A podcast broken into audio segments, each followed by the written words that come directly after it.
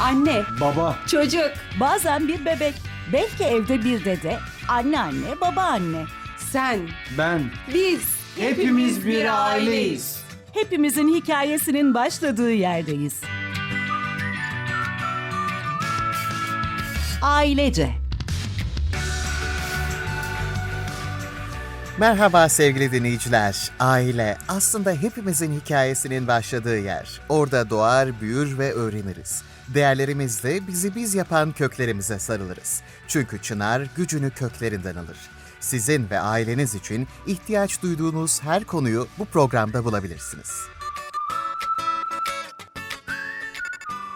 TRT Radyo 1 kanalında Ailece ile sizinleyiz. Programı hazırlayan Mutlu Füsun Küçük, teknik yönetmenimiz Mustafa Gökçe ve spikeriniz ben Giray Çavdar. Dijitalleşme bütün toplumları farklı düzeylerde, farklı şekillerde etkilemekte. Bugün toplumsal değişme ve aile bağlamında dijitalleşmenin yalnızlık üzerine etkisini Üsküdar Üniversitesi İnsan ve Toplum Bilimleri Fakültesi Sosyoloji Bölüm Başkanı Profesör Doktor Ebulfeyiz Süleymanlı ile konuşacağız. Geleceğin interneti olarak nitelendirilen metaverse kavramını son zamanlarda sıkça duyar olduk. Her anlamda kuşaklar arası ayrışmanın en hızlı yaşanacağı bu sanal evrenin birey ve toplum üzerine etkilerini sosyolog, tasarımcı Bilge Evran'la konuşacağız. Hazırsanız ailece başlıyor.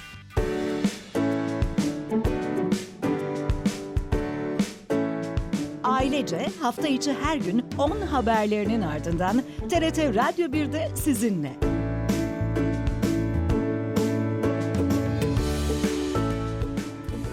Bugün ilk konuğumuz Üsküdar Üniversitesi İnsan ve Toplum Bilimleri Fakültesi Sosyoloji Bölüm Başkanı Profesör Doktor Ebulfeyiz Süleymanlı. E, Kendisiyle dijital kültürün aile yaşamı üzerine, yalnızlık üzerine etkisini konuşacağız. E, Hoş geldiniz Sayın Süleymanlı, günaydın. Günaydın Giray Bey, iyi yayınlar diliyorum. Teşekkür ediyoruz. E, dijitalleşme ile iletişim nasıl bir boyut kazandı? Bununla başlayalım isterseniz. Evet, e, aslında e, internetin, e, özellikle networklerin, bu ağların bütün bir yaşamı her düzeyde nüfuz etmesi olarak tanımlanan dijitalleşme, günlük hayatımızın bir parçası haline geldiğinden bu yana hem iletişim sürecini hem de kültür anlayışımızı, yaşam pratiklerimizi de derinden değiştirmiş durumda. Özellikle siz de kabul edersiniz ki salgın dönemi başladıktan sonra e, bu dijital teknolojilerin kullanımın daha farklı bir boyut kazanmış. E, sanki her birimiz sessizce ve fark ettirmeden gerçekleşen bir e, devrimin tanıklarıyız aslında. Gerçekten Evet. çok e, yoğun bir e, dijital teknoloji kullanımıyla karşı karşıyayız. Bu dijital teknolojilerin yaygınlaşması e, pek tabii olarak iletişim yöntemlerinde de bir değişim oluştur, oluşturmakta. Dünyanın e, dört bir yanındaki insanları hızlı bir şekilde e, bağlantı kurma yeteneği gibi yeni iletişim olanakları da ortaya çıkarmakta. E, tabii ki bu gelişmelere paralel olarak e, kişiler arası ilişkilerin olağan seyri de değişmekte. Yüz yüze ilet, e, yüz yüze belki iletişimler büyük oranda yerini teknolojik araçlar üzerinde kurulan iletişimlere, e, duygu ve anlam paylaşımı da yerini sembollere bırakmakta değil mi? Yani bugün artık Evet. kendi aramızda iletişim kurarken, mesajlaşırken bile e, eğer emoji kullanmıyorsak e, çok farklı algılanıyoruz. Yani bu gerçekten çok e, farklı bir duruma işaret etmekte. Yani bu, bu bütün bunların sonucu olarak dijitalleşmenin hem iletişim, kültürlenme, güncel gelişmeleri anlık takip edebilme gibi e, durum e, artılarının yanında bireylerin yaşam dengesini de ele geçiren bir güce sahip olduğunu gözlemlemekteyiz. Yani dijitalleşme e, ile birlikte eski adetlerin ve kavramların neredeyse tamamının yerini yeni teknolojik ürün ve hizmetler almakta bu süreçte. Mesela e, bu süreçte sadece nesneler değil insan ve toplum hayatını ilgilendiren kavramların tanımları da e, bir an bir deyim yerindeyse dijitalleşmeye başlamıştır. hı. Bakın ben bir örnek göstermek istiyorum. Eskiden biz sosyolojide sosyalleşme kavramını aile, arkadaşlar ile bir araya gelme, e, işte komşularla bir etkinlik içerisinde bulunma anlamını e, şeklinde tanımlarken bu kavramın yerini neredeyse artık sosyal medya hesaplarında veya mobil uygulamalarımızda sosyal olma e, durumu almıştır. Yani ve bu süreçte yaş, cinsiyet fark etmeksizin herkes bu dijital dünyaya adapte olma, yenilikleri kabul etme ve yeni çıkan ürünü hemen satın almaya hazır olma e, durumuna amade geçmiş durumda. Yani böyle bir süreçten bahsediyoruz ve bu sürecin e, bu süreçte tabii ki iletişim de iletişim biçimlerimiz de dijitalleşmekte. Sosyal medya uygulamalarının ortaya çıkması ve çeşitlenmesi insan yaşamındaki bazı değişiklikleri de beraberinde getirmektedir. Özellikle dijitalleşen medyanın her yerde o varlığı aynı yaşam tarzını da her yerde yaymaktadır. Bu süreçle birlikte Evet. e, homojenleşme ve aynı evrensel kültüre yönelik çok biçimli eğilim e, inkar edilmez şekilde de karşımıza çıkmakta. E, ve bunun daha ötesi de var. Özellikle küresel kültür, yerel kültürlere nüfuz ederek yeni sentezler ortaya çıkarmakta. Bu durumda melez yapıların ve kimliklerin doğulmasında da bir anlamda belirleyici olmaktadır. Yani dijitalleşme hem yaşam pratiklerimiz hem iletişim biçimlerimiz üzerinde bu derecede etkiye sahiptir Giray Bey. Evet. E, Sayın Süleyman öte yandan e, bu da çok tartışılır. E, dijitalleşme yalnızlık mı getiriyor yoksa tam tersi sosyal bir ortam mı sunuyor bizlere? E, her iki görüşün de savunucuları var tabii ki. Siz ne düşünürsünüz bu konuda? Tabii e, özellikle gelişen teknoloji bizlere bir taraftan rahatlık, e, çeşitli kolaylıklar sunmakta ama diğer taraftan da bir takım sosyal sorunlar da beraberinde getirmektedir. Özellikle yalnızlığın giderek arttığı bir yaşam hediye etmektedir deyim yerindeyse. E, teknoloji geliştikçe insanlar arasındaki gerçek fiziksel o, o ikili iletişimin azalması, insanın daha çok kendine e, içine dönük olması, kendine yabancılaşması ve yalnızlaşması durumuyla karşı karşıyayız. Yani bireylerin yalnızlaştığı, çocukların ve gençliklerin artık çok daha az sokaklarda olduğu bir yaşam biçimi yarattı bu süreç. Ve bunu e, uzmanlar teknolojik yalnızlık çağı olarak da tanımlamaktadır. Hiç kuşkusuz yalnızlık yüzyıllardır dünyanın her yerinde ve bütün kültürlerde görünen bir olgu. Yani işte edebiyata baktığımız zaman şiire, şarkılara da bu, bu temaların sürekli işlendiğini görüyoruz. Yani insanlar tarafından bilinen en yaygın e, tecrübelerden biri a- ya- yalnızlık. Fakat günümüz yaşamı e, özellikle bu modern toplum e, bu yalnızlığı daha da çoğaltmıştır. Ve e, günümüz yaşamı her insanı bir deyim yerindeyse bir kutuya koyarak yalnızlaştıran, izole eden ve yabancılaştıran bir sistem şeklinde belirmektedir. E, yapılan araştırmalarda da özellikle bu, bu di- teknolojinin ve dijitalleşme sürecinin artmasıyla birlikte insanın kendisini daha çok yalnız hissettiğini ortaya koymakta. Bu nedenle e, gelişmiş ülkelerde birey de e, kendini yalnız ve yabancılaşmış şekilde tanımlamaktadır. E, mesela işte yalnız yapılan bütün dünyadaki araştırmalarda yaşlı insanların %17'si aile arkadaş ve komşularıyla haftada bir kez görüşebilmekte. %11'i aile bir kez görüşebilmekte. E, işte yine e, gençler arasındaki yalnızlık olgusu giderek artmakta. Yani bir anlamda gelinen noktada son yüzyılın en fazla hastası olarak e, hastası olan hastalığı şeklinde tanımlanmaktadır yalnızlık. Biz de en son çok geniş kapsamlı bir araştırma gerçekleştirdik bütün Türkiye genelinde.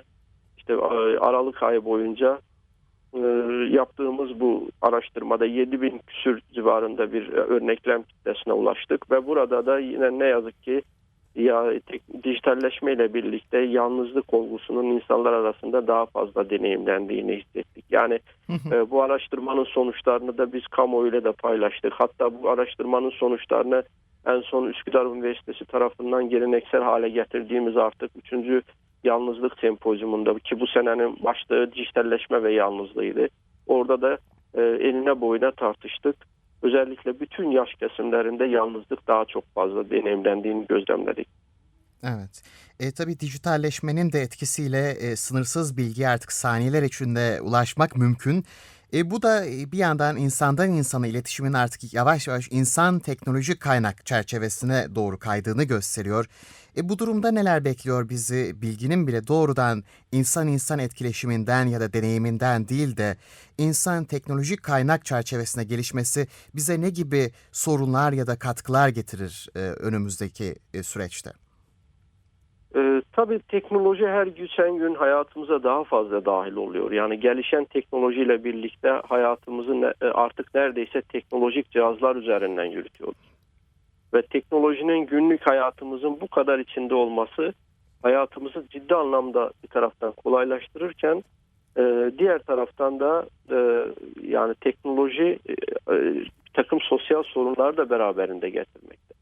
Yani her şeyin kusurları olduğu gibi teknolojinin de kusurları var. Onun özellikle altını çizmemiz gerekiyor. Hayatımızı bu kadar kolaylaştıran teknoloji bir insan hayatında en olan en önemli olan şeyi e, sevgiyi, yardımlaşmayı, belki iletişimi de olumsuz etkiliyor. Bizi de bu yazı yani bizi de bu araştırmalara iten işte bu olumsuz etkilerin ortaya konulması, hayatımızı kolaylaştırdığı iddia edilen teknolojinin belli bir süreden sonra insanların e, arasındaki bir takım kopukluklarının bu anlam arayışına da sevk ettiğine dair e, tanıklık ediyoruz.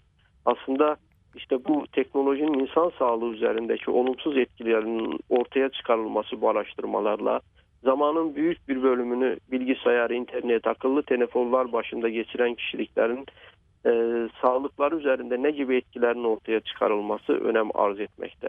Yani bilinçli teknoloji kullanımı bu, bu nedenle oldukça önemli olarak karşımıza çıkmakta. Özellikle pandemiyle birlikte fiziksel alanlarda yapılan faaliyetlerin çevrim içi ortamlara aktarılmasına bağlı olarak evde geçirilen sürenin artışı, dijital platformlarda geçiren vaktinin de doğrudan artması e, insanlar arasındaki bu iletişim sorunlarını da beraberinde getirmekte. E, buna buna çok dikkat etmemiz gerekir. Yani bu öz, e, teknolojinin insanlar arasındaki o muhabbetin sona ermesine izin vermememiz gerekir. Toplumsal ilişkiler üzerinde teknolojinin olumsuz etkilerini e, mümkün olduğu kadar en aza indirgeyecek e, yöntemleri bulmamız gerekir. İnsanlar artık yüz yüze konuşmak yerine e, ne yazık ki internetten konuşmayı tercih etmektedirler. İşte e, bu bu süreç e, ciddi beraberinde bir takım sorunlar da getirmekte. E, aslında işte ben, benzer biçimde geleneksel olarak sürdürdüğümüz iş ve çalışma modelleri de bu dijitalleşme süreciyle birlikte farklı bir boyut kazandı. Özellikle salgın döneminde mesela işte aile e, yalnız yaşayan bireyler kendilerini daha çok e, iş yaşamlarında bu anlamda sosyalleşme imkanları bulmaktaydılar ama e, bu süreçte o imkanı da bir anlamda kaybettiler. O yüzden bir takım o hassas olarak nitelendirebileceğimiz gruplar da var. Bunların arasında gençler de özellikle önem, önemli bir yere sahip. Onların üzerinde daha fazla yoğunlaşmamız gerekir. Çünkü yeni nesil e, teknolojik araçları çok daha kolay ulaşımın olduğu, e, Evet. özellikle sosyal medya aracılığıyla iletişimin daha hızlı olduğu bir dünyada doğmakta.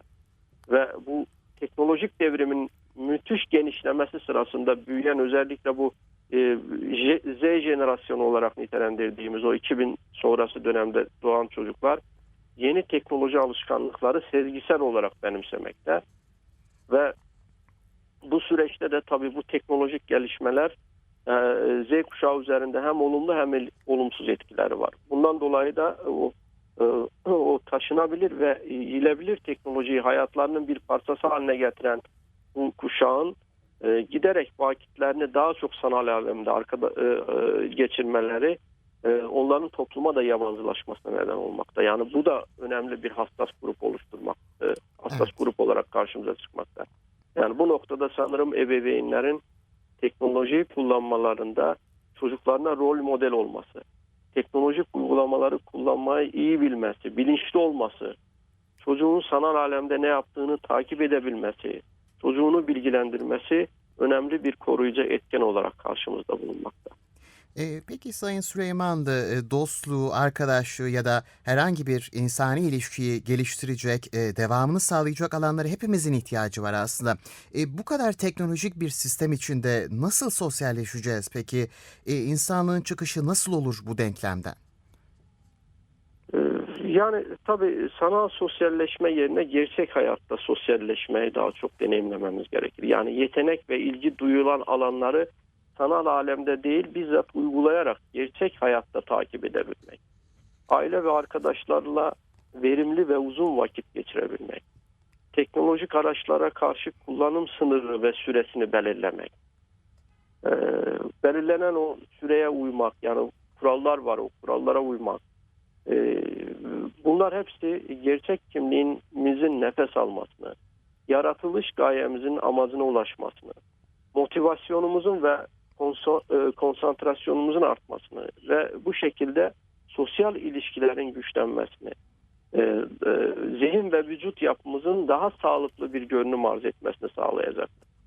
Çünkü bunların hepsi e, aslında uzmanlar tarafından e, özellikle bu e, hızlı dijitalleşme süreci bağlamında dile getirilen konular. Çünkü günümüzde artık teknolojinin erişmiş olduğu hız gerçekten başımızı döndürüyor. Gelecekte neler olacak, nelerle karşılaşacağız? Bunu şimdiden bile kestiremiyoruz değil mi? Bundan benden sonra Evet. işte bizim çok değerli bir öğrencimiz e, Bilgi Hanım da bu konuları özellikle Metaverse üzerinden açıklamaya çalışacak. Yani e, dijital teknoloji her gün bizi şaşırtmaya da devam ediyor. Sahip olduğumuz deneyim bizi hayal edilemeyecek şekilde yeni hayatlar sunuyor.